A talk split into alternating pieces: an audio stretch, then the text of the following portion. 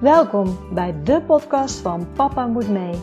De podcast voor reislustige gezinnen en de podcast die je meeneemt op onze reis naar onze wereldreis.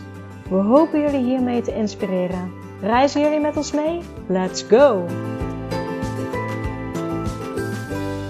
Welkom bij weer een nieuwe aflevering van de podcast van Papa Moet Mee. En voor ons is nu ook eindelijk de vakantie begonnen, want wij zitten in Albanië. Mocht je het leuk vinden om onze reisavonturen te volgen door Albanië, kijk dan op www. Nee, niet op www, dat is de website natuurlijk. Op Instagram, papa moet mee. Daar uh, nemen we jullie zoveel mogelijk mee uh, in onze reis door Albanië. En voor nu heb ik voor jullie een interview, maar dan anders als anders. Namelijk geen interview met een reizend gezin, maar een interview met Anjo. En Anjo is belastingadviseur. Ik heb namelijk ook onder andere voor mijn e-book, waar een heel hoofdstuk over belastingen gaat, met haar gesproken over hoe zit het nou als je op reis gaat voor langere tijd, als je uit moet schrijven uit Nederland, hoe gaat het met het bedrijf wat je hebt, als je een eenmanszaak hebt, als je een BV hebt, hoe zit het met je huis als je die verhuurt, waar valt die nou onder, valt die onder box 1, onder box 3, dus al deze belastingvragen komen voorbij. Uh, mijn achtergrond is, mocht je dat nog niet weten, uh, accountancy bij Anjo Belastingadviseur. Dus wij zijn geneigd om heel snel de diepte in te gaan. We hebben dat geprobeerd om te voorkomen, zodat het voor iedereen, als het goed is, duidelijk is. Daarnaast komt ook alle informatie in het e-book te staan. Ik had het bijvoorbeeld net al over het huis, box 1 of box 3. Nou, voor beide heb ik ook een rekenvoorbeeld opgenomen in het e-book. Wat betekent het nou voor jou als jouw huis onder box 1 valt. En wat betekent het financieel voor jou als jouw huis onder box 3 valt? Dat is ook wel interessant natuurlijk om te weten in plaats van het alleen maar te horen. Dus al deze informatie staat ook in het e-book helemaal uitgewerkt. Je kan je nog steeds op de wachtlijst zetten op www.pappamoetmee.nl. Kan je gewoon vrijblijvend op de wachtlijst zetten en dan hoor jij het als eerste als het e-book af is. Op het moment dat ik op vakantie ben, ehm, heb ik een proeflezer in ieder geval die er doorheen gaat lezen, naar spellingsfouten kijkt enzovoorts. Dus ik hoop, ja, richting uh, eind augustus, begin september, dat we het helemaal um, klaar hebben. Dus uh, heb je interesse, zet jezelf op de wachtlijst. En voor nu zou ik zeggen, heel veel luisterplezier.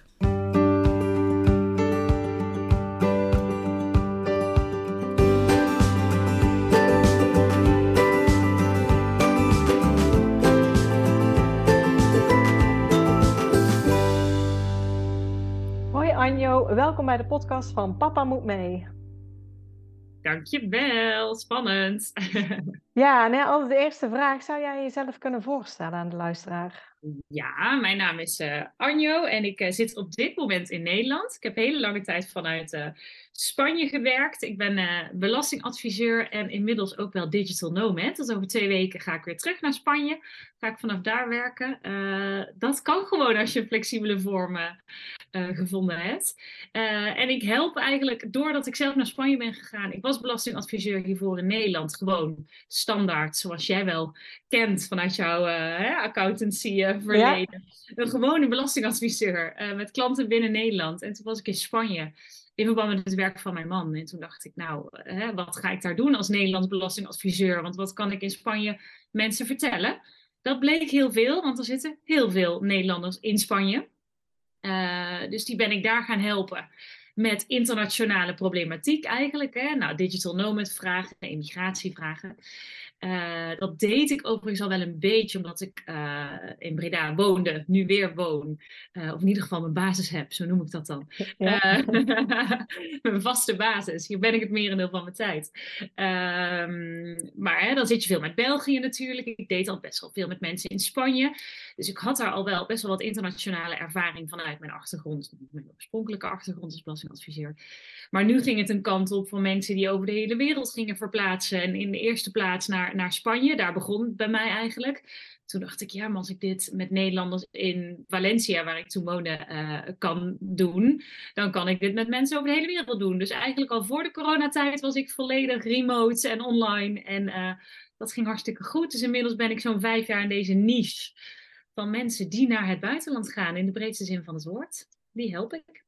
Ja, en daar gaan wij het uh, nu dus ook over hebben. Want er zijn met name gezinnen die luisteren podcasts die dus um, tijdelijk naar het buitenland gaan. Er zijn denk ik twee groepen, maar er zijn ook gezinnen die hier alles opgeven en voor onbepaalde tijd gaan. Daar hangt belastingtechnisch zit daar natuurlijk ook weer een ander aspect aan. Uh, we gaan een aantal zaken bespreken samen zoals we aangeven, wij moeten oppassen dat we niet te snel de diepte ingaan, omdat we allebei um, een beetje uit dezelfde hoek komen, zeg maar. Dus en in je Janneke taal blijven, dat we niet te theoretisch ja. worden. Uitdaging voor ons. Precies, dus daar gaan we proberen op te letten. Uh, en voor de rest heb ik ook uh, een paar onderwerpen doorgekregen waar mensen vragen over hadden. Uh, dus die gaan we behandelen. Dus laten we gewoon um, in het begin, zeg maar eigenlijk met het begin beginnen. Want heel veel mensen denken, als ze vertrekken uit Nederland, dat kan zijn acht maanden omdat ze zich moeten uitschrijven uit Nederland, omdat ze langer dan acht maanden wegblijven, of vanwege de leerplicht, wordt ook uh, wel eens gedaan natuurlijk, um, dat ze dan ook geen belastingplichtige meer zijn in Nederland. Maar zo zwart-wit is het niet. Nee. Uh, was het maar zo makkelijk, uh, dan zou er natuurlijk ook heel veel mee geshopt kunnen worden. Dus dat is het, dat is het niet. Uh, dat komt doordat er de gemeente eigenlijk, hè, waar je in de gemeentelijke basisadministratie staat, als je gewoon in Nederland woont, die gaat uit van een andere wet dan de Belastingdienst. En de Belastingdienst die kijkt naar de Belastingwet, hè, dus waar de gemeente zegt, nou, ben je minder uh, dan vier maanden in een periode van twaalf maanden. Dus niet in een kalenderjaar, maar in een periode van twaalf maanden, minder dan vier maanden in Nederland, ben je verplicht om je uit te schrijven. Een uitschrijving gaat door naar de Belastingdienst, gaat door naar de zorgverzekeraar, gaat door naar de Sociale Verzekeringsbank, waar je AOW-opbouw bijvoorbeeld is omgebracht. Dus dat geeft dan wel een seintje. Maar het wil niet zeggen dat je dan ook meteen, hè, omdat je uit Nederland bent uitgeschreven, dat je uh, uh, helemaal weg bent. Of dat je geen fiscaal inwoner meer bent. Waarom niet? Omdat de Nederlandse Belastingdienst uitgaat van de Belastingwet. En daar staat dat het inwonerschap eigenlijk naar de feiten en omstandigheden wordt bepaald. Als er voldoende familiaire en economische banden met Nederland blijven, daar gaan we al, lekker theoretisch. Maar als die ja. er voldoende zijn, hè, ook al ben je misschien geen dag op Nederlandse bodem of heel weinig, um, als er voldoende banden blijven met Nederland, um, ja, dan blijf je uh, uh, belastingplichtig in Nederland als fiscaal inwoner. Dus we hebben een ander fiscaal inwonerbegrip dan het inwonerbegrip, hè, eigenlijk waar de gemeente bijvoorbeeld van uitgaat.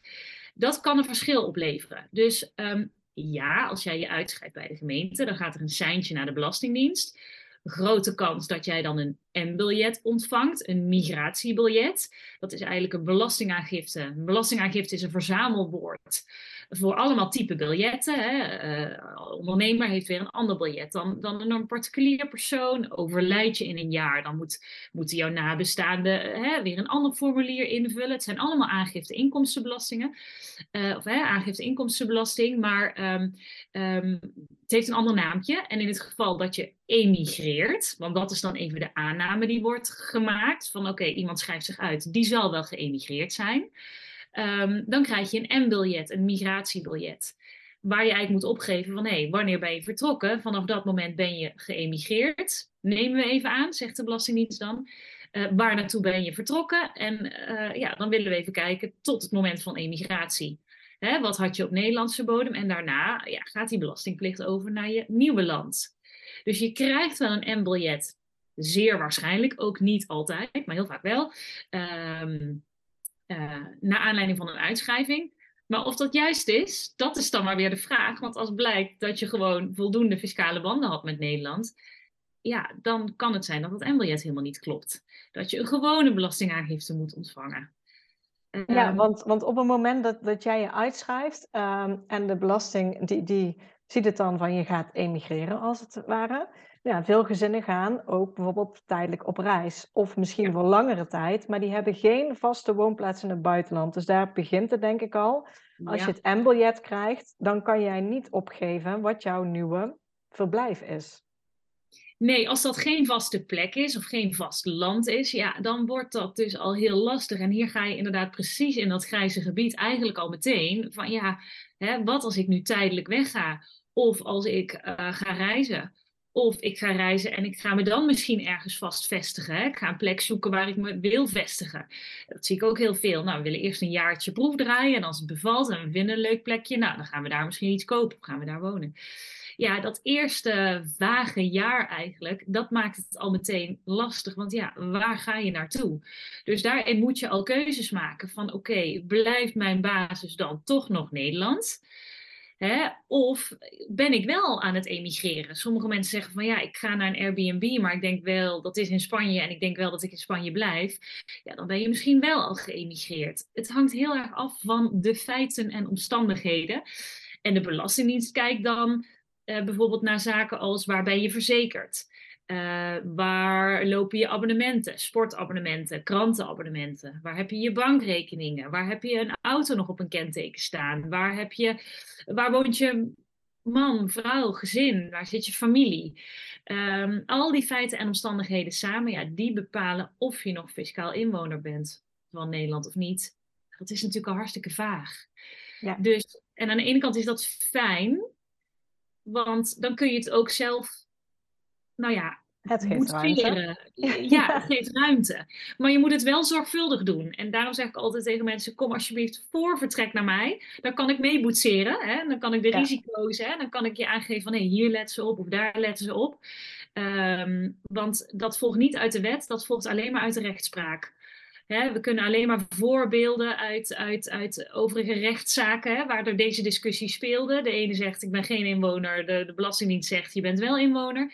Ja, daar kunnen we voorbeelden uithalen en daar zien we van ja, waar let die Belastingdienst nou op?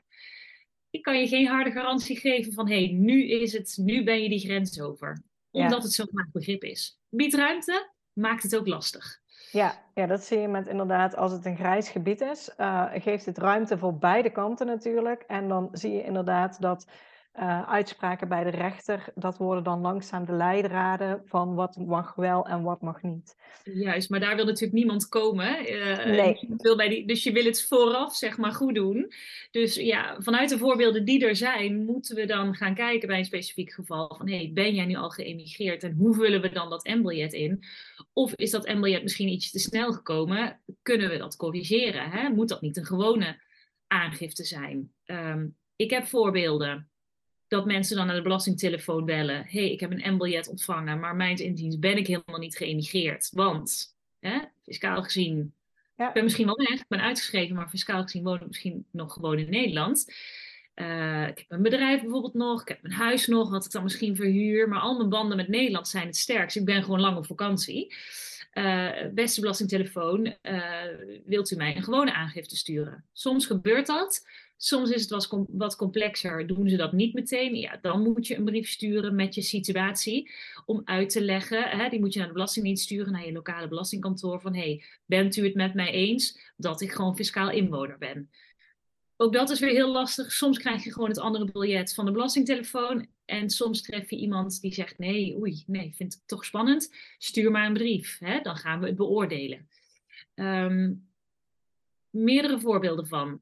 Ja als je denkt, ik heb een verkeerde biljet gekregen, dan zou ik zeggen, bel even naar die belastingtelefoon. Begin daar.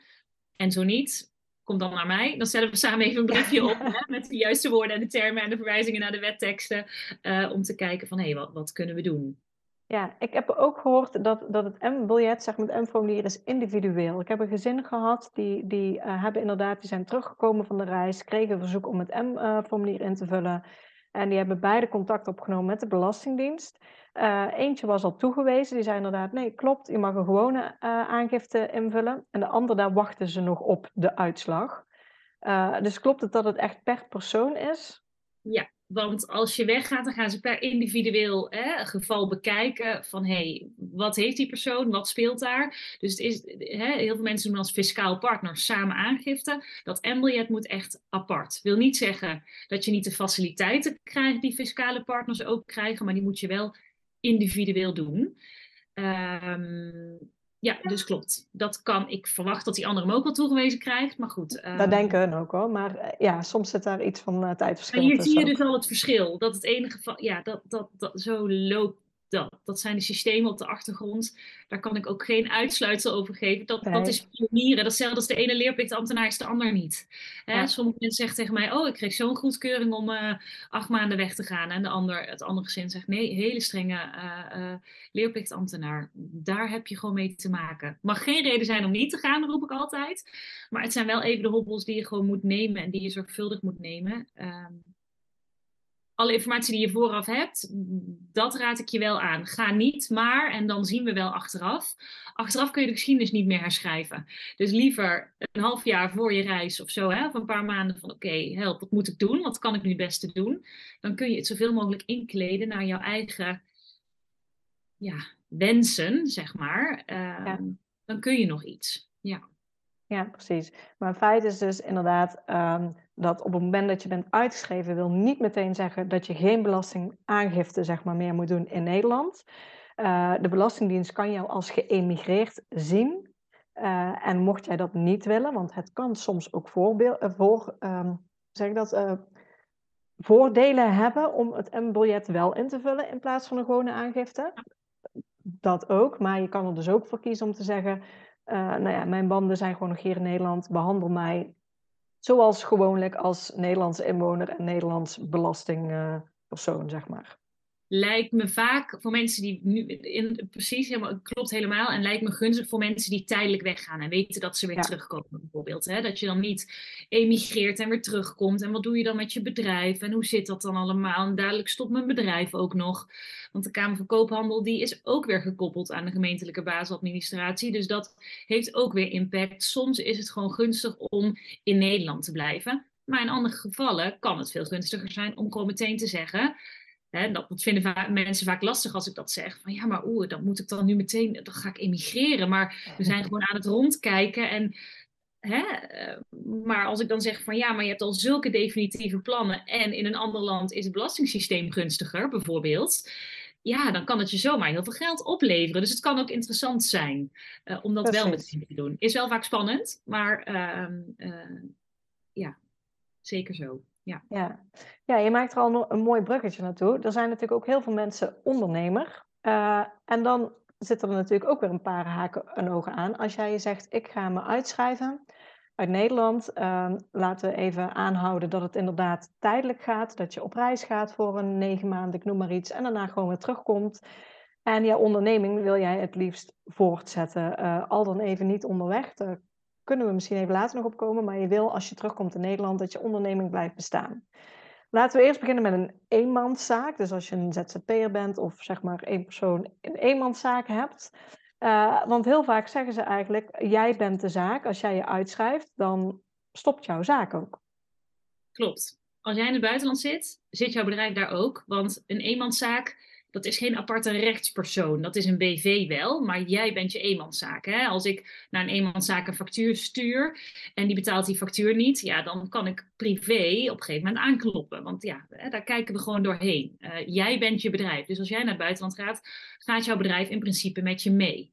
Nou, inmiddels, en met name sinds uh, corona eigenlijk, dat steeds meer mensen toch eens een halfjaartje vanuit het buitenland gaan werken, um, wil de Kamer van Koophandel, ik mag niet zeggen een goedkeuring geven dat ze je bedrijf aanhouden, want dat is het formeel niet. Maar als je aangeeft van hé, hey, ik ben tijdelijk in het buitenland, dat is uh, hè, een maand of acht, negen, vaak tot een jaar. Um, uh, ik heb de intentie om weer terug te komen. Uh, alles blijft in Nederland. Um, beste Kamer van Koophandel, ik ga me uitschrijven bij de gemeentelijke, gemeentelijke basisadministratie, maar alsjeblieft hou mijn bedrijf nog even aan. Dat willen ze doen. En dan komen ze normaal gesproken een jaar later weer bij je terug van hé, hey, wat is de situatie nu? Want je bent wel verplicht om je bedrijf te beëindigen als je echt daadwerkelijk weg bent. Um, dat is ook als je langer weg blijft ook um, belangrijk, met name ook in het nieuwe land waar je dan bent, als dat een vaste plek is. Dat zal namelijk zeggen, ja leuk, nog een eenmanszaak in Nederland, als je dat om welke reden dan ook georganiseerd krijgt. Hè? Ik hoor wel eens van mensen die zeggen, nou ik heb al vijf jaar een eenmanszaak in Nederland, ik woon al heel lang in het buitenland. Als de Kamer van Koophandel om welke reden dan ook jouw uitschrijving niet doorkrijgt, of in ieder geval de uitschrijving van die eenmanszaak niet doorkrijgt, bijvoorbeeld als dat op een ander kantooradres staat of iets dergelijks, ze zien het niet, um, ja, dan kan die eenmanszaak best blijven bestaan. Maar besef je dan wel dat je een risico loopt in je nieuwe woon, werk, vestigingsland? Want dat land vindt er natuurlijk ook wat van dat jij op lokale bodem aan het werken bent, maar nog een eenmanszaak hebt in Nederland. Die kan dan natuurlijk spannende brieven gaan sturen als ze daarachter komen van hé, hey, wij zien inkomen uit Nederland, maar waarom geef je dat in Nederland aan? Waarom niet in Italië als je daar zit? Uh, want jij zit hier fysiek te werken. Jij bent hier jouw bedrijf aan het leiden. Ongeacht dat jouw klanten misschien in Nederland zitten, dat is irrelevant. Waar zit jij? En als dat in een bepaald land is, ja, dan zal ook jouw bedrijf mee moeten. Um, dus er zijn mogelijkheden, met name als je tijdelijk gaat, om dat bedrijf niet meteen te hoeven stopzetten. Maar je kan het ook niet oneindig aanhouden als je wel langer wegblijft. Want dan gaat het ook mis en dan loop je met name een risico in je ja, werkland, woonland, je nieuwe woonland dat je daar misschien belasting aan het ontduiken bent zonder dat je dat eigenlijk wil, omdat je gewoon puur in het verkeerde land belasting aan het betalen bent. Ehm, dus met name voor mensen op reis, er zijn mogelijkheden. Wordt het een duurzamere periode dat je in het buitenland zit, ja, dan zul je echt concreet moeten kijken van ja, wat ga ik dan doen? En ik, ik denk, daar heb ik het toen met jou ook al over gehad, dat het ook misschien afhankelijk is wie je weer spreekt bij de KVK. Want bij mij was de KVK heel duidelijk. Die zeiden, nee mevrouw, het gaat niet. Die, die zeiden wij kennen niet on hold zetten. Um, die waren redelijk streng. De Belastingdienst zat er overigens anders in. Jij uh, zei het net al mooi. Die gaf eigenlijk bij mij aan, als je een eenmanszaak hebt, zet het bedrijf op een ander adres als het op je huisadres staat en je schrijft je uit. En dan was het voor hun oké. Ja, dan is het natuurlijk niet oké. Ik snap de belasting Zolang je inkomstenbelasting, in, ja, als een eenmanszaak is, inkomstenbelasting in Nederland betaalt, denkt de Belastingdienst, het zal mij een worst Hè? Het maakt mij niks uit, want er, wordt, er komt nog inkomen binnen, prima. Uh, de Kamer van Koophandel, ja, uh, het, het ligt aan wie je treft. Mijn uh, ervaring is dat dat steeds. Ik heb het idee, ik heb geprobeerd tot hoog in de boom bij de KVK te komen, is me niet gelukt. Dan valt de mail stil, het contact stil. Um, ze willen dat natuurlijk niet. Uh, ze kunnen dat ook niet zwart op wit geven, want waar ligt dan die, die, die grens? Ja. Um, dat maakt het lastig. Ja, mijn ervaring is wel dat het, dat het als je de woorden zorgvuldig gebruikt en met name aangeeft, we komen weer terug, we gaan lang op vakantie, ik moet me uitschrijven voor de leerplicht, maar er verandert verder niets, ik heb nog een huis, ik heb nog, hè, uh, wil je alsjeblieft meedenken? De ervaring is dat dat wel moet lukken. Maar goed, jij bent dan dus, hoor ik. Uh, ja, nou ja ze, ze, ze, begonnen heel streng en daarna ja. was het wel een beetje dat ze zeiden, vragen bij de Belastingdienst en toen zeiden ze ook zo heel snel komen we er niet achter. En ik moet zeggen, ik heb meerdere gezinnen gehad die ook eenmanszaken hadden. En van de KVK is er bijna nooit een seintje naar hun toe gegaan van uh, er klopt iets niet of je bent uitgeschreven. Of, uh, en meestal nemen ze ook in eerste plaats contact op met de belasting. En Juist. als die zeggen van nou, ook daar is het wie tref je natuurlijk weer. Want laatst had ik iemand en die zei van haar dochter had hetzelfde gedaan. Dus die was heel erg, oh nee, kan gewoon, je kan een uh, half jaar of zeven maanden, acht maanden weg en dan kan je gewoon terugkomen en uh, het is allemaal goed. Ja. Dus, Ligt er ook aan, ga je binnen een kalenderjaar? Want als je op 31 december uitgeschreven bent, dan ineens, dan, hè, dat is zo'n pijlmoment, zo'n ja. checkmoment. Uh, sommige mensen die een paar maanden binnen een jaar weg gaan, krijgen al een M-biljet. Heb ik ook ervaring mee. Dus het is echt even, je bent een beetje overgeleverd aan het systeem. En de instanties, het is best wel nou, een nieuw ding, maar de wereld wordt steeds kleiner eigenlijk. Hè? Je kan overal werken, uh, wonen, uh, flexibel werken. Um, hè, digital nomaden, dat, dat wordt steeds makkelijker. Maar de instanties, ja, hoe gaan die daarmee om? Ja, dat is intern heel moeilijk natuurlijk. Um, ik, laatst had ik, heb ik letterlijk een mail van een klant gezien vanuit de Sociale Verzekeringsbank. Uh, die zeiden, ja meneer, wij hebben hier gewoon, wij weten het eigenlijk ook niet, want het is het grijze gebied. Dus uh, misschien eens een keertje anoniem bellen om alvast wat informatie in te winnen bij de een of de andere instantie. Hè, om, om eens voor jezelf te kijken van, nou, hoe kan ik dit het beste, het beste doen? Um, um, ja, of een gesprek met mij, of een gesprekje misschien met jou, eens kijken van hé, hey, ja. uh, wat zijn jouw ervaringen? Welke woorden moet ik wel gebruiken? Welke woorden moet ik niet gebruiken? Ehm, wees eerlijk, dat zeg ik wel altijd, naar alle instanties, naar hypotheekverstrekkers, naar de Belastingdienst, naar, naar iedereen. Ehm, maar praat niet je mond te snel voorbij.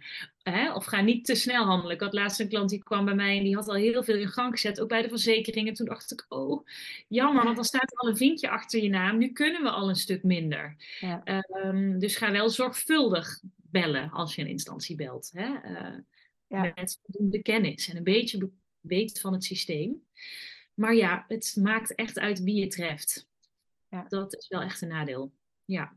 Ja, ik kreeg ook nog een specifieke vraag. We hebben nu over eenmanszaak gehad, uh, over een VOF. Een VOF zit je met um, twee personen in de zaak. Dus in feite heb je, is het eigenlijk hetzelfde als een eenmanszaak. Dus je bent ook nog steeds privé aansprakelijk, waar we het over hadden. Alleen zit je met z'n tweeën.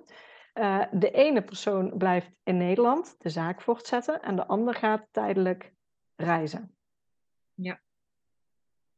Met tijdelijk reizen zou ik zeggen, probeer het voor te zetten. Hè? Probeer die vrijstelling te krijgen. En, hè, eh, of die vrijstelling, die, die, de, de, ja, het op onhold zetten van jouw deel van de, van de VOF, zeg maar. Of in ieder geval het aanhouden nog van je bedrijf.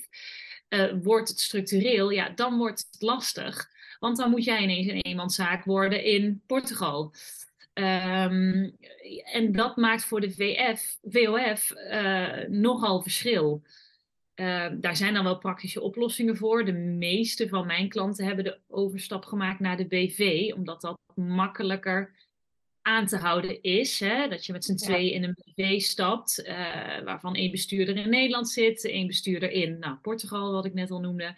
Uh, dat is wat makkelijker aan te houden. Uh, maar voor de VOF, ja, je trekt dan iemand anders mee, namelijk je partner, compagnon. Um, extra belangrijk om dat goed voor te bereiden. Um, uh, er zijn mogelijkheden, maar dat is dan dus weer echt afhankelijk van de situatie. Wat is dan passend? Um, ja. Weet dat je in principe, ook, dat hoor ik ook nog wel eens als jij, eh, dat is dan weer hè, met een eenmanszaak, eigenlijk ook met een BV, als er substance achterblijft in Nederland, dat betekent dat er daadwerkelijk fysiek gewerkt wordt in Nederland, ook door jouzelf. En dat is met name met de eenmanszaak wel relevant. Maar als er substance blijft in Nederland, dan kun je eh, een bedrijf aanhouden. Uh, dan moet er wel daadwerkelijk gewerkt worden. Dan moet er een kantoorpand zijn. Uh, hè, jij moet daar fysiek aanwezig zijn. Ook dat is natuurlijk, ja, wat als ik nu af en toe terugkom voor een lezing, maar ik werk eigenlijk het merendeel online. Dan wordt dat alweer wat lastiger.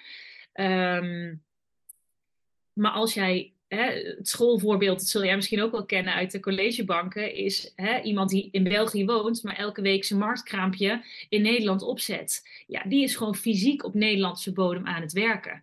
Uh, dus die kan gewoon ook een eenmanszaak aanhouden en eventueel ook een BV. Uh, voor een BV is die substance nog belangrijker. Waar zit de bestuurder? Waar is er een kantoorpand? Hè? Uh, waar lopen de systemen? Nou, noem maar op. Uh, ook dat is weer zorgvuldig met een fiscalist of je accountant bekijken van, nou, hoe, ligt, hoe zit het met die substance? Uh, dat is ook weer een grijs gebied. Vul het maar in. Hè. Dat kan, ja, een strenge inspecteur kan daarin van mening verschillen. Ik probeer altijd naar mijn klanten toe een zo streng mogelijke belastinginspecteur te spelen. Hè, uh, om, om daarin zo safe mogelijk te zitten. Ja. Uh, dat, kun je, dat kun je boetseren. Hè? Dat, kun je, dat kun je zelf invullen. Je zou een kantoorpand kunnen huren of je zou personeel in kunnen huren op een Nederlandse loonlijst. Hè? Daar, daar, daar, daar kun je iets mee. Met een compagnon nog makkelijker, hè? want die blijft dan achter, die sowieso aan het werken blijft. Um, uh, maar alleen dan, en met name met een eenmanszaak is dat lastig, je moet fysiek op Nederlandse bodem zijn. Ik heb Nederlandse klanten, is onvoldoende. Ja. Dus het gaat om waar je fysiek aan het werken bent. Ja, want die hoor ik ook nog wel eens vaker voorbij komen. Uh, je zei het al, we hebben steeds meer digital nomads. Er gaan heel veel mensen, eh, een gezin, die, die gaan bijvoorbeeld een half jaar of uh, nou, iets langer weg.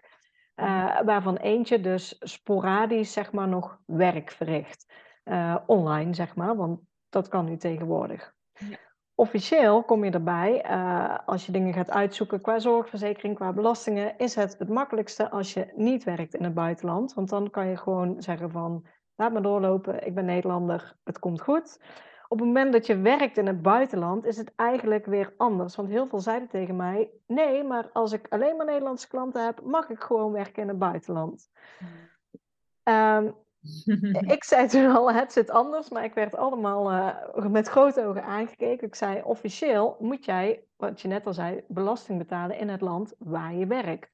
Nou, en ben je ook sociaal verzekerd en ben je ook zorg... Ja. Hè, zorg Voor je, zorgverzekering zorg, ook. Uh, ja. SVB kijkt, waar ben jij fysiek aan het werk? Um, dus dat die klanten in Nederland zitten en jij online aan het werken bent, nee. dat gaat niet helemaal op.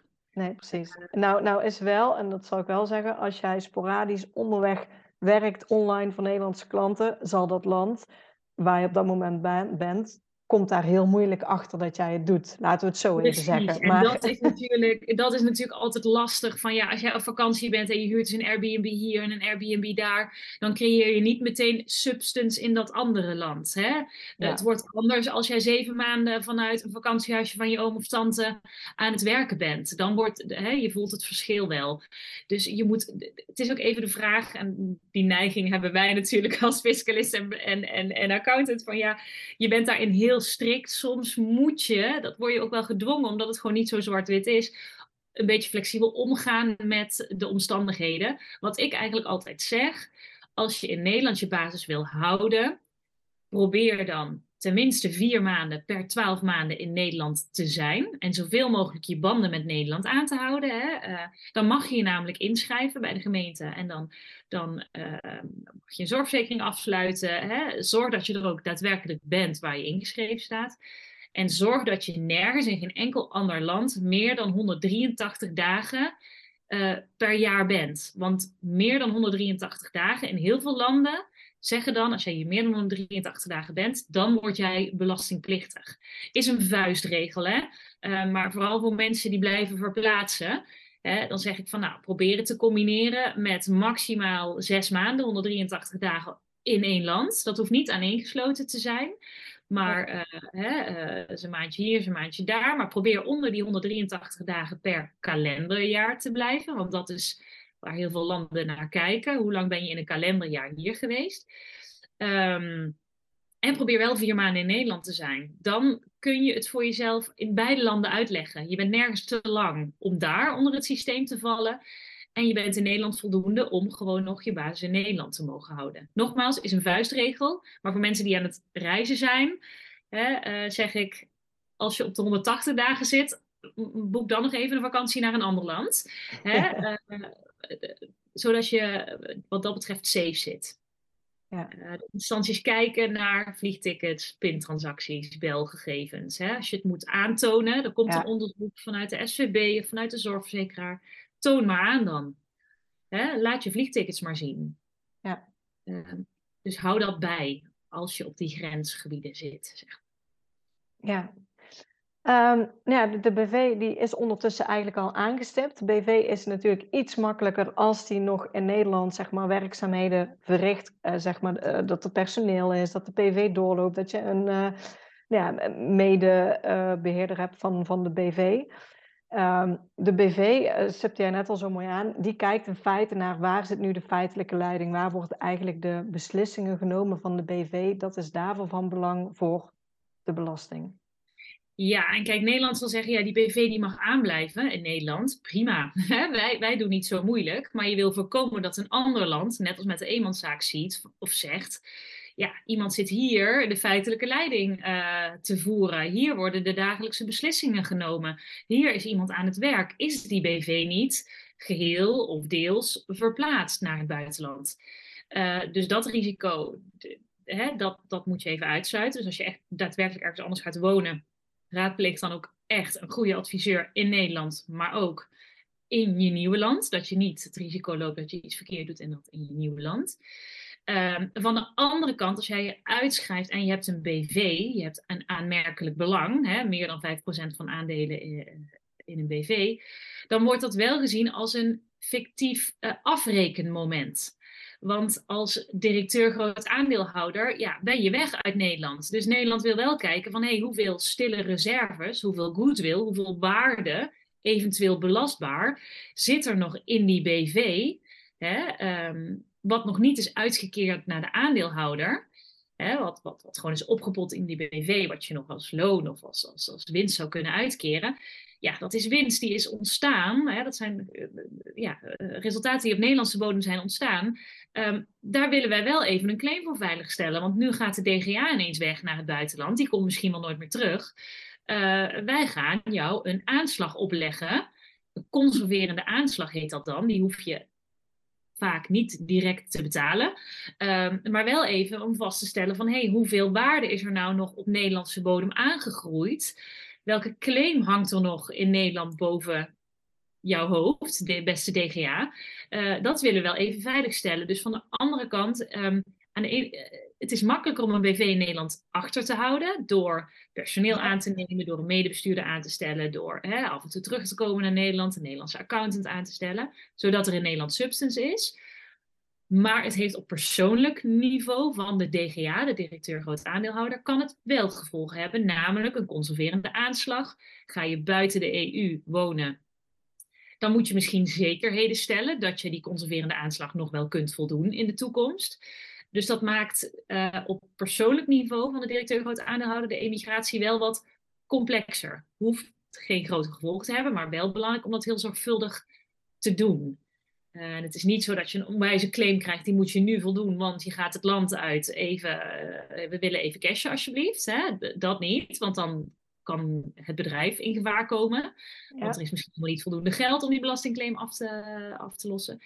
Maar het kan wel zo zijn dat je zekerheden moet stellen. Hè? Of als je toekomstig dividend uh, gaat uitkeren, dat Nederland daar iets van vindt. Want er ligt een conserverende aanslag. Ze willen nog even innen. Maar dat ook je nieuwe woonland daar iets van vindt. Nou, dan kom je bij de verdragen uit. We gaan het niet te complex maken. Nee. Maar dat zijn wel dingen die aan de ene kant een BV is makkelijker achter te houden in Nederland wat dat betreft. Maar het heeft ook weer andere gevolgen. Ja. Um, dus denk daar vooral niet te licht over. En met name als er bijvoorbeeld bedrijfspanden in, in, in, in zitten, waar er een heel grote overwaarde op zit, ja, dan kan daar een behoorlijke claim uit volgen. Dan kan die oplopen. Ja. ja. Yes. Ik denk dat we uh, alle ondernemingen op dit moment voldoende hebben geraakt, inderdaad. Dat uh, mensen in ieder geval uh, iets meer inzicht hebben over wat, nou ja, wat er gebeurt op het moment dat jij je dus uitschrijft. Um, er zijn ook heel veel mensen die in Nederland een woning hebben, um, ja, die gaan reizen en die tijdelijk hun woning verhuren. Uh, ja. Daar komen ook heel veel vragen over. Normaliter, uh, we gaan nu in uh, boxen praten waarschijnlijk. Normaliter, als je een eigen huis in Nederland hebt, dan valt die in box 1, noemen ze dat. Gewoon de box van inkomen en werk en je eigen huis. Maar je hebt ook een box 3, de vermogensbox. Um, daar is uh, de laatste tijd veel gedoe over. Dus ook daar um, zijn er al wat aanpassingen gedaan. En kunnen we wel. Wordt duurder, op... Die wordt duurder, helaas. Die wordt sowieso duurder. Hij was heel leuk eigenlijk. Ja. um, maar uh, stel dat je een tweede huis hebt in Nederland of in het buitenland om te verhuren, die valt in box 3. Dan weten in ieder geval de mensen het verschil tussen box 1 en box 3. Um, maar dan komt het vraagstuk: wat als jij je eigen huis gaat verhuren als je tijdelijk naar het buitenland gaat? Ja, um, is echt een hele complexe. Dus dit ja. wordt echt, als ik dit ga uitleggen aan mijn klanten, dan, dan roep ik altijd: ik zet het nog wel even op de mail. Of hè, als je het laatst even bezinkt, kom bij me terug als je het niet helemaal snapt. Maar in principe, als een eigen woning geen eigen woning meer is, dus als het eigenlijk een beleggingspand wordt, zo moet je het zien dan verschuift hij naar box 3. Want dan is het gewoon vermogen. Passief inkomen, hè, de huurinkomsten wordt passief inkomen. En als je naar box 3 verschuift, dan kijken we wat is op 1 januari de waarde van die woning, de WOZ-waarde. Welke hypotheek zit daarop? Die komt erop in mindering. En wat overblijft, dat is eigenlijk de grondslag in box 3. Daar gaat een hele moeilijke formule overheen. Die is inmiddels niet meer uit te leggen. Nee, dat is echt dat een... een belastingrecht geweest net toen dat nieuwe systeem kwam. Nou, mijn studenten die, die, die dachten echt geen idee. Ik kon het ook bijna niet meer uitleggen. Um, maar goed, ik heb het... overigens in het, in het e-book wat er gaat komen, heb ik beide situaties helemaal uitgerekend. Zowel box 1 als oude box 3 en nieuwe box 3. Met alle nieuwe dingen erin, ja. De oude box 3 was heel makkelijk, 1,2 procent. Nou, nu is het een hele moeilijke formule. Maar Ja. we kijken naar wat is de waarde op 1 januari, de WOZ-waarde minus de bijbehorende eh, hypotheekschuld. Wat daar overblijft, daar gaat die moeilijke formule overheen. En daar volgt eh, de uitkomst eigenlijk uit eh, wat je in box 3 aan, aan belasting betaalt. Het voordeel als die woning in box 3 valt, is dat we verder helemaal niet kijken naar de daadwerkelijke rendementen, de daadwerkelijke huurinkomsten. Dus dat blijft verder onbelast, of in ieder geval, daar wordt niet naar gekeken. We kijken puur, wat is de WOZ-waarde minus de schuld en daarover, over dat bedrag, moet je belasting betalen. Nou, we hebben ook nog in box 3 een best wel leuke belastingvrije voet, dus eh, die verandert ook ieder jaar, maar hè, eh, daar gaat nog een deel van af. Dus dat, dat kan gunstig zijn als je verder weinig vermogen hebt, een hoge schuld nog hebt, ja, dan betaal je misschien wel geen of heel weinig belasting. Ja.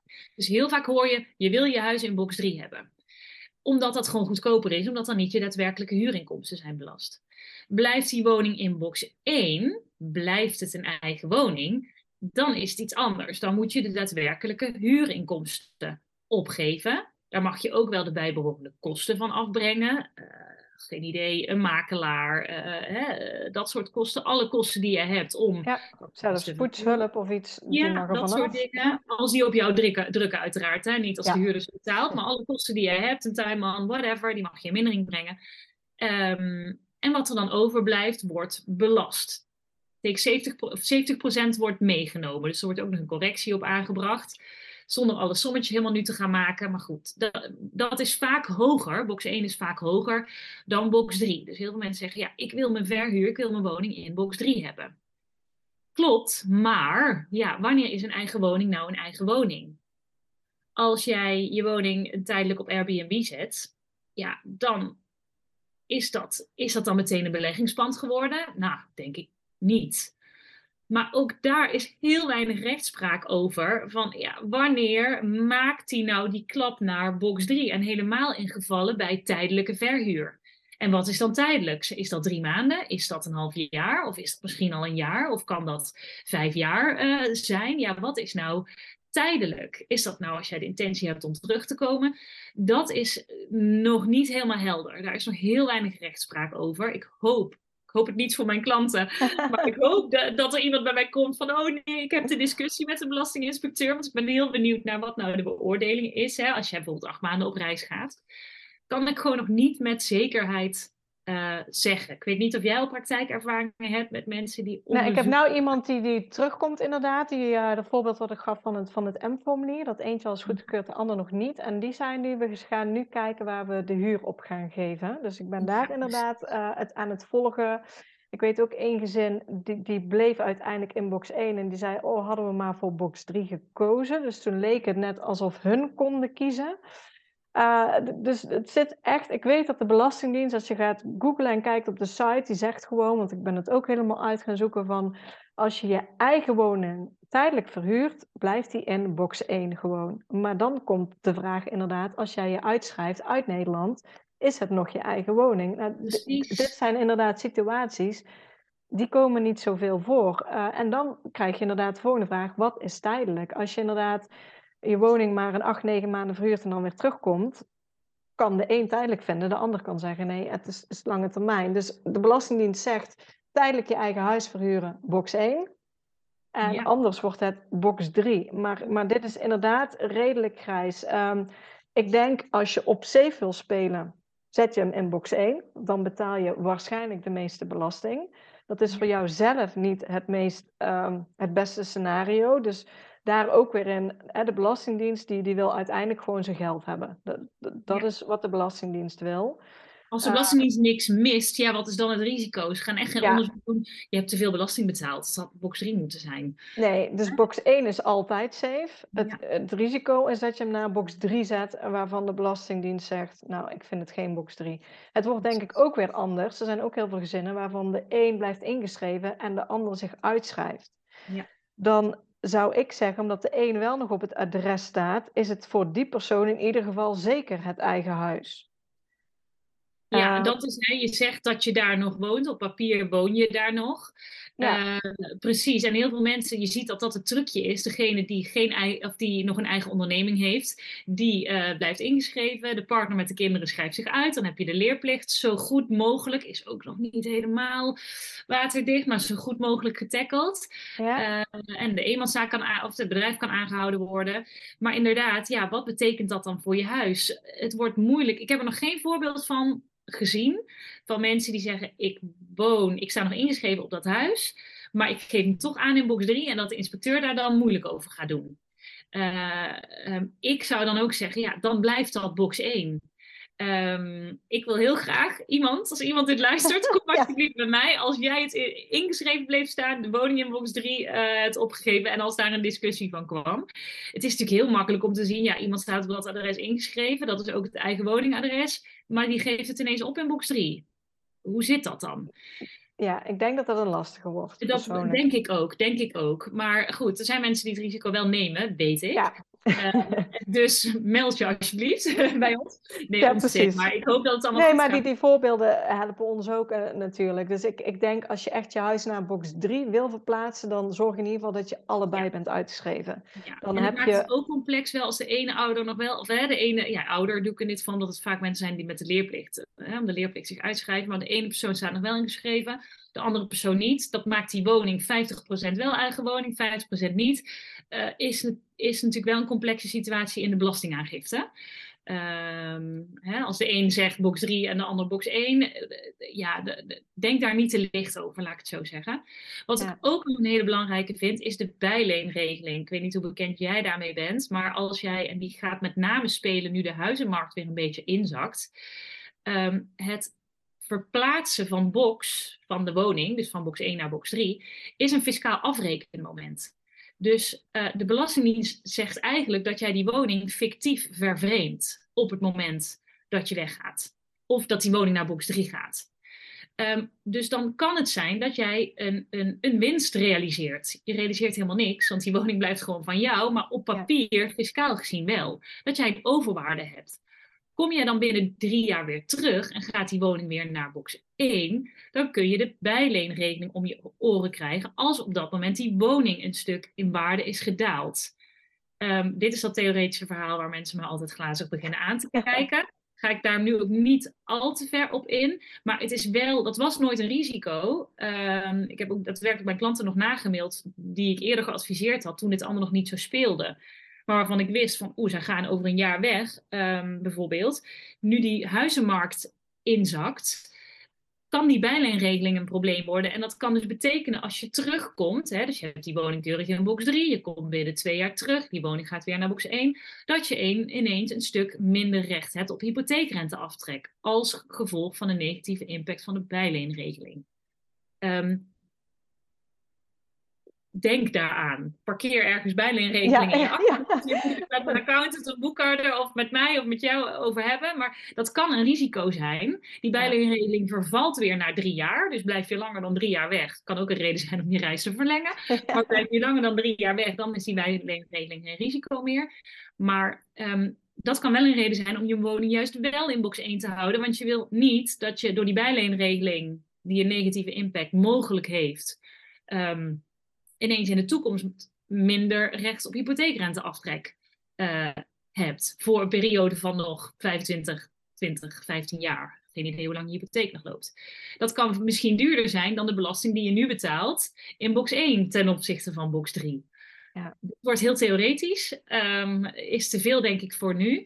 Maar het kan soms ook juist wel gunstig zijn om die woning in box 1 te houden. We zeggen allemaal maar box 3 is goedkoper, maar box 3 wordt steeds duurder. En die bijleenregeling wordt een risico als de huizenmarkt toch een beetje inzakt. Um, dus het is best wel een zorgvuldige afweging die je bij voorkeur vooraf maakt. Waarom vooraf? Dan kun je bewust tijdelijke huurcontracten aangaan van maar drie of zes maanden of wat dan ook.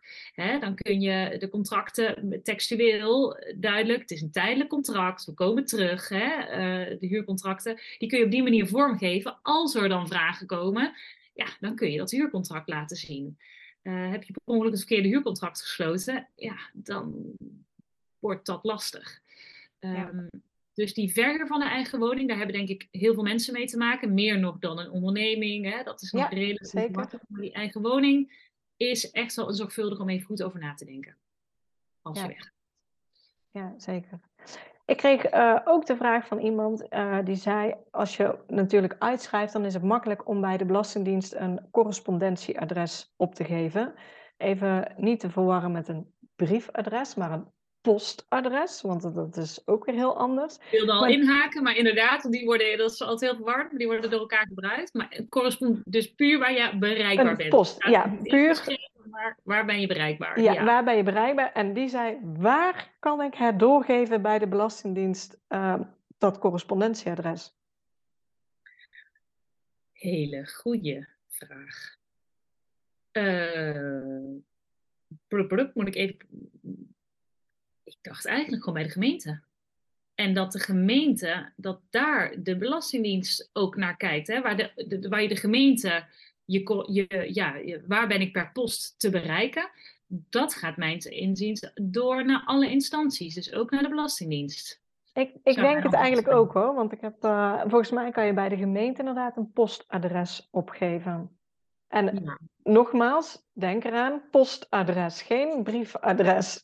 Precies, niet waar je, dat wordt heel door door elkaar gebruikt. Maar bijvoorbeeld ook als jij in, weet ik veel, Indonesië gaat wonen aan eh, een zandweg waar de brievenbus eh, de derde boom links staat. Ja, dan komt jouw post, een hele grote kans dat die niet aankomt. Eh, mijn, voor zover ik weet, ik heb daar geen praktische eigen ervaring in, maar is dat inderdaad een adres wat je bij de gemeente doorgeeft. Van hey, alle overheidsinstanties, alsjeblieft, stuur al je post naar dat adres bij broer, zus, vader, moeder, oom, tante in Nederland. Zodat je zeker weet dat je post aankomt. Dat is wel echt een hele belangrijke. Hè? Want eh, je gaat brieven krijgen als je uitschrijft van de banken, van de Belastingdienst, van hè, zorgverzekering. Je wil wel gewoon bereikbaar zijn. Maar ook je stembiljet bijvoorbeeld. Je kunt nog gewoon stemmen als je in het buitenland woont. Maar goed, die biljetten wil je wel eh, ontvangen. Ehm, zodat je zeker weet dat de overheidspost daar aankomt. En die app, hè, berichten inboxen online, waarvan heel veel mensen zeggen, die app die ik nooit bekijk, bekijk hem wel, helemaal als je weggaat. Want daar komen de belangrijke brieven natuurlijk binnen. Ja, en daar kan je natuurlijk ook heel veel vinkjes aanzetten. Ook de SVB gaf bij mij aan, net zoals het WLZ-onderzoek. Ja. nou ja, daarvan krijg je de uitslag altijd pas als je op reis bent. Eh, en die zei ook, vink gewoon aan dat jij digitaal post van de SVB mag ontvangen. Want dan krijg je ook de uitslag eh, niet naar je huisadres gestuurd waar je op dat moment niet meer bent, maar ook online gewoon. Ja, ja. Ja, dus dat is een, dat is hele belangrijke. Je bank, je hypotheekverstrekker, nou, al die dat je zoveel mogelijk online eh, per mail of wat dan ook eh, ontvangt. Dat is sowieso een tip. Check dat overal even. Maar anders zou ik zeggen bij de gemeente. En daar gaan dan alle overheidspost, zeg maar, zou dan naar dat correspondentieadres eh toe gaan. Ja, ja precies. Ehm, nog een puntje. Hoe zit het? Ehm, we hebben natuurlijk meerdere mensen waarvan één ouder ingeschreven blijft. Het zij om eh, de eigen zaak, noem maar op. En de ander uitgeschreven. Hoe zit het dan met fiscaal partner? We hadden het in het begin al even over, over de aangifte natuurlijk. Ehm, heel veel die zeggen, nou, ik ben getrouwd, dus ik ben fiscaal partner. Nee. Maar als ik op het M-biljet kijk, dan denk ik, nou, volgens mij wordt het best lastig als de een nog ingeschreven staat en de ander uitgeschreven is. Juist, want dan leef je eigenlijk gescheiden en, en je kan niet, je kan geen fiscaal partnerschap is puur iets voor fiscaal inwoners van Nederland. Dus als je dat niet meer bent, ja, dan kun jij geen fiscaal partner eh, eh, hè, meer zijn. Dus als jij niet meer op hetzelfde adres woont, hè, dan, dan, dan, dan, dan wordt dat een lastige. Dus dat kan, dat kan niet zomaar. Dus dat kan ook eh, eh, stoppen als de ene weg is en de ander blijft nog in Nederland achter. Want de fiscale, hè, de, de, de voordelen die je hebt als fiscaal partner, dat zijn Nederlandse voordelen. Als de ene weg is en de ander niet, ja, dan, dan, dan wordt dat een lastige. Ehm, ehm, stel twee mensen staan op twee adressen ingeschreven. Je kan wel eh, onder voorwaarden verzoeken om het hele jaar als fiscaal partner te worden aangemerkt. Maar de vraag is even, is dat nog op jou van toepassing als jij op een bepaald moment daadwerkelijk aangeeft, ik ben weg uit Nederland. Dus zeg je, hè, ik, ik ben geëmigreerd, dan kijkt Nederland pro rata. Wanneer ben je, stel je bent op 1 augustus geëmigreerd, dan ben je binnenlands belastingplichtig tot 1 augustus en daarna verschuift de belastingplicht naar je nieuwe land. Um, dan stopt dan dus ook de mogelijkheid om fiscaal partner te zijn. Want je bent gewoon klaar in principe in Nederland, in ieder geval als fiscaal inwoner. Um, dat is overigens ook wel iets waar mensen, ik weet niet of ik nu van de hak op de tak spring, maar het schiet me nu te binnen, dat mensen wel eens zeggen van, oh, hè, oh dan ben ik klaar en biljet klaar heb je dan nog een huis of een aanmerkelijk belang, hè, eh, veel aandelen in een, in een Nederlandse BV, dan kun je nog wel steeds belastingplichtig zijn, namelijk voor die Nederlandse vermogensbestanddelen. Dus laat dat ook altijd, laat je even goed informeren. Heb je nog vastgoed of heb je nog belangrijke bezittingen in Nederland, ook na emigratie, na vertrek uit Nederland, dan kan het wel zijn dat je toch nog ieder jaar keurig een belastingaangifte moet doen en ook belastingplichtig hè, belasting moet betalen in Nederland. Um, dus hou dat wel even in je achterhoofd. Maar je bent dan niet meer fiscaal inwoner en dus ook hè, kun je niet langer fiscaal partner uh, zijn. Dus dat kan wel degelijk verbreken. Ja. ja. en kan het dan nog als jij uh, aan de Belastingdienst een, een, hè, of opbelt of uiteindelijk die brief schrijft uh, waarin je vermeldt van nou, ik ben niet geëmigreerd, ik ben gewoon tijdelijk in het buitenland geweest en daarom moest ik me uitschrijven uh, uit de gemeente, maar ik heb nog steeds alles in Nederland. Zie mij gewoon als uh, fiscaal Nederlands belastingplichtige. Kan je dan wel nog opteren om dat hele jaar ook als fiscaal partner gezien te worden? Dan ben je natuurlijk gehuwd. Dan verwacht ik van wel. Dan verwacht ik van wel. Kijk, het nadeel is, um, uh, als jij een brief stuurt naar de Belastingdienst met een akkoord van hey, zeg mij dat ik inderdaad binnenlands belastingplichtig ben, dan zou ik daar zeker in opnemen. Kunt u dan ook bevestigen dat ik nog gewoon kwalificeer als fiscaal partner? Hè? Uh, dat mijn woning gewoon nog een eigen woning is in box 1. Uh, eh, dan heb je al een standpuntbepaling vooraf. Het indienen van een belastingaangifte, het feit dat een, iemand bij de belastingtelefoon zegt: Oké, ik pas het systeem aan, ik ga je geen M-biljet sturen, maar een gewoon biljet wil niet meteen zeggen dat de Belastingdienst akkoord is. Dan kan het nog zo zijn hè, dat, die, dat die belastingaangifte ingediend wordt. Dat is dan eigenlijk jouw standpuntbepaling. Hè. Met die aangifte geef je aan van ik vind dat ik nog fiscaal inwoner was. Ik vind dat ik nog fiscaal partner was. Ik vind dat mijn woning nog in box 1 uh, eh, valt of juist in box 3.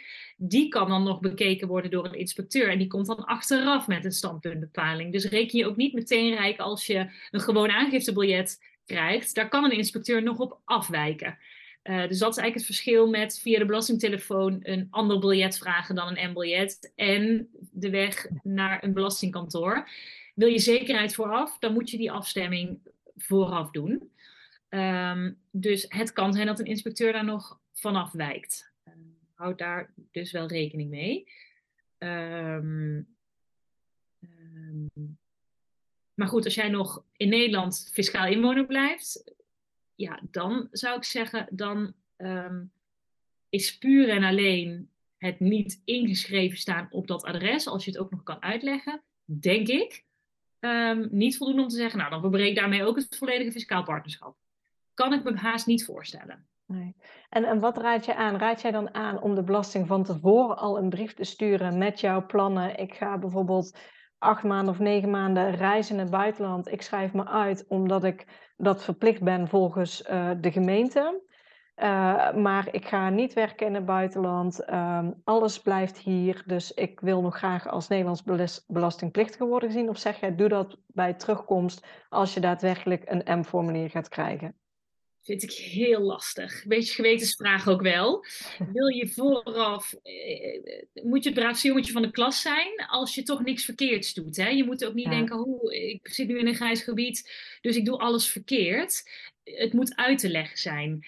En aan de ene kant, sommige mensen zeggen, ik wil het gewoon vooraf weten, want ik wil dit goed doen. Ik krijg daar stress van, ik krijg daar zorgen van, ik ga die brief schrijven. En sommige mensen zeggen, ja, maar hé, hey, um, ik kan nu van tevoren alles eerlijk op tafel leggen. Dan weet ik zeker dat er een inspecteur kritisch naar gaat kijken. Die kan dan ook alleen maar weer moeilijke vragen gaan stellen. En dus de vraag is even, welke lijken komen er uit de kast als je het wel proactief gaat doen? Is echt een persoonlijke keuze. En ook echt afhankelijk van de situatie. Ben jij een directeur, groot aandeelhouder en hè, staan er heel veel belangen op het spel? En, en dan is het zeker de moeite waard. Dan dan, dan weet je het zeker vooraf. Ehm, is er verder niet zo heel veel aan de hand? Ben je lang op wereldreis? Ja, dan kun je die afweging maken om het niet te doen. Vind ik echt een gewetensvraag. Leg ik ook eigenlijk altijd bij de mensen zelf neer. En is ook heel persoonlijk. Uh, sommige mensen zeggen, ja, nou, ik zie wel en ik, ik bewaar een potje voor als ze komen. Hè? Ik zit in een grijs gebied, ik doe het naar eer en geweten. Ik denk dat ik het helemaal goed doe. Ik zet nog een extra potje opzij, mochten ze komen. Nou, dan, hè, uh, dan dan meer culpa, meer culpa. Ik moet misschien nog meer belasting betalen. Oké, dit is het potje wat ik daarvoor heb staan. Ik zie het wel achteraf. En sommige mensen zeggen, ja, nee, ik wil het echt vooraf zeker weten. Ja, vind ik heel moeilijk. Echt ja, per individueel geval verschillend. En met name de, de belangen. Hè? Ben je een grote DGA? Hè? Ja. Uh, heb je veel vastgoed in Nederland? Heb je whatever? Speelt er veel? Gaat het om grote bedragen? Um, ja, dan is die overweging misschien anders dan wanneer je in loondienst bent, wat je even stopt en je hebt een eigen huis met hè, uh, nog een vrij hoge hypotheek. Het verder allemaal niet zoveel impact heeft financieel. Ja. Naar eer en geweten en zo goed mogelijk doen. En uh, zolang de Belastingdienst niet tekort komt, loop je ook weinig risico. Want dan is er ook geen sprake van naheffing. Of, dan moet je het nog goed doen, maar ja. hè, je moet aan de administratieve verplichtingen voldoen die bij een goede burger uh, liggen, zeg maar. Um, ja, gewetensvraag. Per iedereen verschillend. Advies ja. kan ik niet generaliserend zo, no, zo nee, snap ik. Ja. ja, ik denk dat we al uh, best wel veel hebben geraakt. Veel informatie hebben gegeven. Ik denk dat het nogmaals belangrijk is om aan te geven, wat ook in deze podcast duidelijk wordt. Er is heel veel een grijs gebied, zeg maar, um, wat er nu is. Waar geen hele duidelijke regel staat van als je dit doet of dat doet, val je hier of daar. Uh, dus ook daarvoor, wij geven deze informatie. Maar het kan zijn dat jouw persoonlijke situatie net weer anders is, net weer afwijkt. Uh, en dat de uitkomst gewoon anders is. Dus hou dat in gedachten. Wat mijn doel altijd is met dit soort QA's, uh, nu zo'n podcast, die ik, die ik vaak doe, ik geef de puzzelstukjes, ik benoem de risico's waar mensen, bijvoorbeeld zo'n bijleenregeling, ja, die weet echt niemand dat die ook, de, misschien weten mensen wel dat als je een huis verkoopt, dat je dan de overwaarde hè, uh, in je woning weer moet stoppen en dan het hypotheekrente aftrek, maar dat dat ook met emigratie een gevolg kan zijn, hebben mensen echt geen idee van. Dus ik geef de risico's nu al zoveel mogelijk in een gesprek, één op één natuurlijk nog veel meer en veel gepersonaliseerder je zult zelf de puzzel moeten leggen. Je bent ook een beetje overgeleverd aan het systeem en de ambtenaren. Dat is gewoon een feit. Maar zorg dat je die puzzelstukjes en die kennis vooraf hebt. Uh, tuurlijk is er heel veel online te vinden, maar dat is allemaal generaliserend. Zoals de, dit gesprek nu ook ja. is. Ik hoop heel veel waardevol, heel waardevol en, en heel veel details. Uh, dat probeer ik altijd wel, maar ook heel veel randinformatie, omdat we over alle situaties nu ongeveer uh, hè, hebben gesproken. Ik raad je altijd aan, ga naar je accountant. Ga naar een accountant in het buitenland als je het vooraf goed wil weten, als je hè, naar een vast land gaat. Uh, kom bij mij, kom bij jou. Uh, hè, uh, zorg dat je. Tuurlijk, ga blogs lezen, lees je in. Dat raad ik ook altijd aan. Maar ga niet verzanden in al die informatie, want hè, wordt zo'n klok- en klepelverhaal en dat is alleen maar risicovol. vaak kan ik mensen in een uurtje, anderhalf bellen en dan kan ik ze van die berginformatie die er is, nou, kan ik daar nog een, een paadje van maken waarin ze dan zelf de keuzes kunnen maken. Dus um, uh, wees voorzichtig. Wees ook voorzichtig met wat je leest. Wees vooral voorzichtig met Facebookgroepen waar mensen adviezen geven. Ja. Um, um, maar laat je vooral niet tegenhouden met je plannen uh, door administratieve romslomp. En steek ook je kop niet in het zand. Kijk het gewoon even aan. Het hoort bij die mooie reis die je gaat maken. Of het hoort bij die emigratieplannen. Ik ben zelf naar Spanje vertrokken, nu weer teruggekomen. Uh, en ik ben ook de specialist. En ik ben ook tegen dingen aangelopen waarvan ik dacht, oh jeetje. Dat hoort er nu eenmaal bij. Zie dat ook als een uitdaging. Ja, en ga er vooral niet slapeloze nachten van krijgen. Want dat is niet nodig. Kom dan alsjeblieft naar mij. want dat ja. wil ik niet. Ja, misschien nog even goed om als laatste te benoemen. Waar kunnen ze contact met jou opnemen? Ja, ik, uh, mijn bedrijfsnaam is Digitex Nomad. Digital Nomad, maar dan belastingen. Dus hè, Digitex Nomad. Inmiddels veel breder dan dat, want ik geef ook advies over banken en over leerplichten. En dat raakt natuurlijk heel veel. Ik ben daarin niet de specialist. Ik heb een netwerk naar mensen waar ik je kan toesturen. Ook in het buitenland heb ik heel veel samenwerkingen, samenwerkingen met accountants en adviseurs inmiddels. Uh, dus kan je ook doorverwijzen als je ergens naartoe gaat. Uh, mijn website is www.digitexnomad.nl of google even Anjo Bots. Dan kom je vast bij mij terecht. Vul gewoon even het, het, het contactformulier op mijn website in. En dan ga ik, gaan we kijken wat ik voor je kan doen. Ja, mooi. Dan wil ik jou in ieder geval bedanken dat jij met ons al jouw kennis hebt gedeeld vandaag. Jij bedankt voor de uitnodiging. Vind ik altijd heel leuk. Dus ik hoop dat het waardevol was. Heb ik wel, dat is wel mijn doel geweest. Zeker.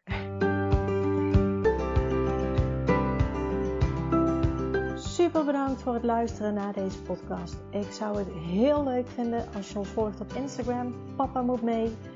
Deel deze vooral in je stories als je hebt geluisterd en tag ons en laat ons weten wat je ervan vond.